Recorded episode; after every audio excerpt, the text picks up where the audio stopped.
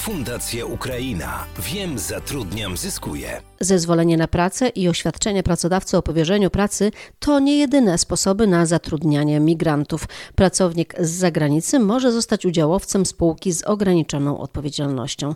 O tym, kiedy można wykorzystać to rozwiązanie, mówi Michał Wisłocki, ekspert Business Center Club do spraw legalizacji pobytu i pracy cudzoziemców w Polsce. Pozwala na to artykuł 176 kodeksu spółek handlowych, który pozwala zobowiązać wspólnika spółki ZO do świadczenia na rzecz tej spółki, której jest wspólnikiem, czynności mające charakter powtarzający się. Tak mniej więcej brzmi przepis. Czyli, żeby móc zastosować ten artykuł, czynność ta nie może być jednorazowa z jednej strony, a z drugiej strony nie może być czynnością stałą.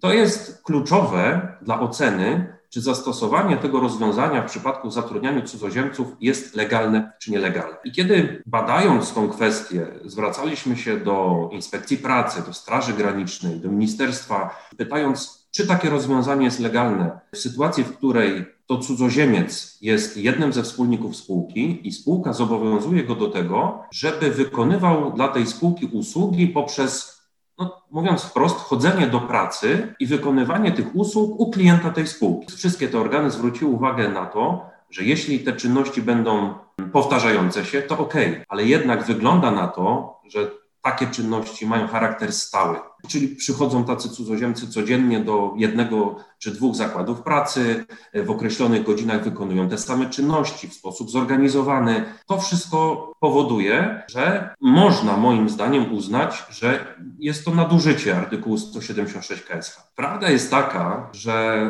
nie po to został stworzony w mojej ocenie artykuł 176 KSH i to rozwiązanie, żeby stosować je do zatrudniania cudzoziemców i podobne zdanie ma Ministerstwo Rozwoju Pracy i Technologii aktualnie i sama pani wiceminister Michałek, która podpisała się pod stanowiskiem w tej sprawie, o które ją poprosiliśmy, że takie rozwiązanie stosowane w taki sposób jest próbą ominięcia przepisu. Celem jest ominięcie potrzeby uzyskania dla cudzoziemca zezwolenia na pracę. Omijamy wojewodę, omijamy urząd pracy. Druga rzecz, takie czynności nie podlegają pozusowaniu. Na końcu okazuje się, że jest to finansowo świetne rozwiązanie, ale jednak oceniane przez organy coraz to częściej jako próba ominięcia prawa i ominięcia zasad zatrudniania cudzoziemców. Absolutnie odradzam takie rozwiązanie, bo ono z automatu traci te walory, o których mówi artykuł 176 KSH.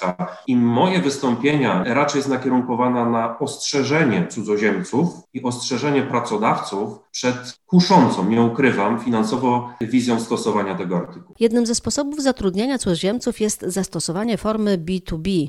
Na czym polega i kto może skorzystać z tego rozwiązania, mówi prawniczka Fundacji Ukraina Anna Trylińska. Jeżeli chodzi o B2B, no to to jest forma dla cudzoziemców bardzo atrakcyjna, ale niestety niewielu z nich może z niej skorzystać a z tej prostej przyczyny, że żeby mieć współpracę na podstawie B2B, trzeba przede wszystkim mieć własną działalność. To jest też atrakcyjne dla tej drugiej strony, która oferuje możliwość współpracy, ponieważ w tym momencie ma zgodę odprowadzenie składek ZUS-u, też płacenie podatków, to wszystko spada na cudzoziemca. A tak jak powiedziałam wcześniej, jest ograniczona grupa cudzoziemców, którzy mogą mieć własną działalność. To są na przykład e, małżonkowie obywateli polskich, którzy mają kartę pobytu na podstawie małżeństwa, to są na przykład studenci, to są na przykład osoby z pobytem stałym, czy też ci, którzy mają kartę rezydenta długoterminowego Unii Europejskiej, czyli nie wszyscy. Jest taki pewien sposób takich startupów, które mają w swojej nazwie albo Twój startup, albo przedsiębiorczość, albo rozwój swój biznes, takie mają nazwy. I to są po prostu spółki, które oferują cudzoziemcom, którzy chcieliby mieć własną działalność, ale jej nie mogą. Tutaj chodzi głównie o takie zawody typu fryzjer, tatuażysta, manikier, no kiedy spotykam się z żywym człowiekiem, tak? No i nie mogą tej działalności założyć, oni zawierają umowę zlecenie cudzoziemcem, dając jemu jakby swoją osobowość prawną, oni zawierają z nim umowę zlecenia, natomiast on jako tako sam sobie pracuje, jest za swój ZUS odpowiedzialny i też za podatki. Inną opcją jest jeszcze umowa o pracę tymczasową.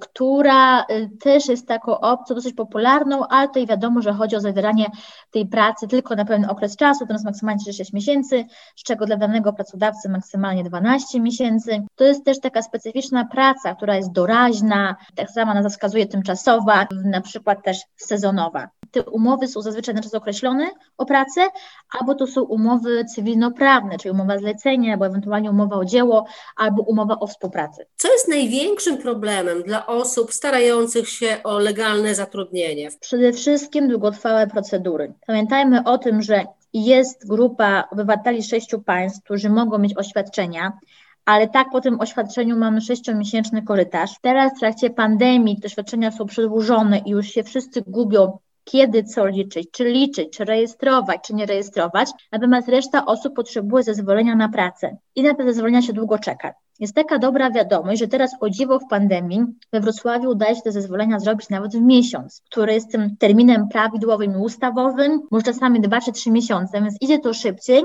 a wiadomo, że pracodawca nie będzie na cudzoziemca czekał, skoro ma inne osoby, które nie potrzebują tego zezwolenia, które na przykład mają kartę Polaka, też pobyt stały, rezydenta, odpowiednią kartę pobytu albo też ukończyły szkołę policjalną. Nasi dzisiejsi eksperci, zarówno Anna Trylińska, jak i Michał Wysłocki, podpowiadają, co można zrobić i na co warto zwrócić uwagę, zwłaszcza w kontekście długotrwających procedur. Zezwolenie na pracę wniosek składa pracodawca. Te wnioski można składać w systemie online potwierdzając ePUAP-em. Tutaj działamy właściwie na skanach już teraz, więc to już idzie szybciej. Te problemy, które się pojawiają, jakieś błędy, ich naprawdę leżą po stronie pracodawców często, bo na przykład nie zaznaczyli jakiegoś kwadratu, albo na przykład nie załączają dokumentów, które potwierdzają, że cudzoziemiec ma jakieś doświadczenie na tym stanowisku, które powinien objąć. Teraz, w trzeciej fali, widać mniejszy napływ pracowników? Teraz nie. Jeżeli porównujemy do tego, co działo się rok temu, Rok było takie prawdziwe zatrzymanie. Nie wydawano wiz na pracę. Było takie prawdziwe wstrzymanie na rynku. Natomiast teraz no, nic takiego nie ma. Powiedzmy, że życie, jeżeli chodzi o legalizację pracy, przebiega tak jak dotychczas, tak jakby tej pandemii nie było. Wprowadzono także pewne ułatwienia właśnie względzie całkowitej elektronizacji tych postępowań o zezwolenia na pracę. Także ambasady poza Polską działają. Wiadomo, że one też działają różnie. Na przykład obecnie w Ukrainie wnioski na wizy wysyła się pocztą do centrów wizowych. Tam nie można pójść osobiście. Podobnie też w innych państwach. Natomiast no, nie ma takiego wstrzymania pracy, które obserwowaliśmy rok temu. Ministerstwo pracuje nad nową ustawą o rynku pracy i osobno o zatrudnianiu cudzoziemców. Nie zmieni się ustawa o cudzoziemcach, czyli kwestie kart pobytu zostaną bez zmian ale ministerstwo ma taki pomysł, żeby zlikwidować na przykład oświadczenia o powierzeniu wykonywania pracy, a całość procedur dotyczących zezwoleń na pracę przenieść od wojewody do urzędów pracy. To by mogło spowodować, że w urzędach wojewódzkich będzie można się skupić na wydawaniu zezwoleń pobytowych, a w tym czasie same zezwolenia na pracę byłyby wydawane przez urzędy pracy. Czyli bazują na tych samych przepisach, znają te procedury, mają już wyspecjalizowanych ludzi, którzy mogliby się tym zająć. I to jest pomysł oceniany przez pracodawców bardzo pozytywnie. Poza tym urzędów wojewódzkich jest 16 plus kilka delegatur, a powiatowych urzędów pracy no już kilkadziesiąt, kilkaset.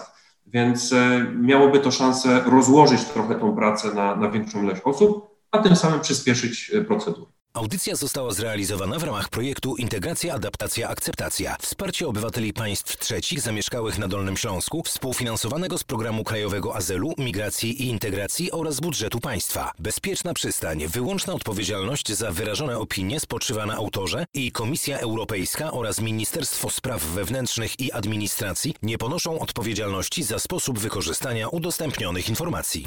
Fundacja Ukraina. Wiem, zatrudniam, zyskuję.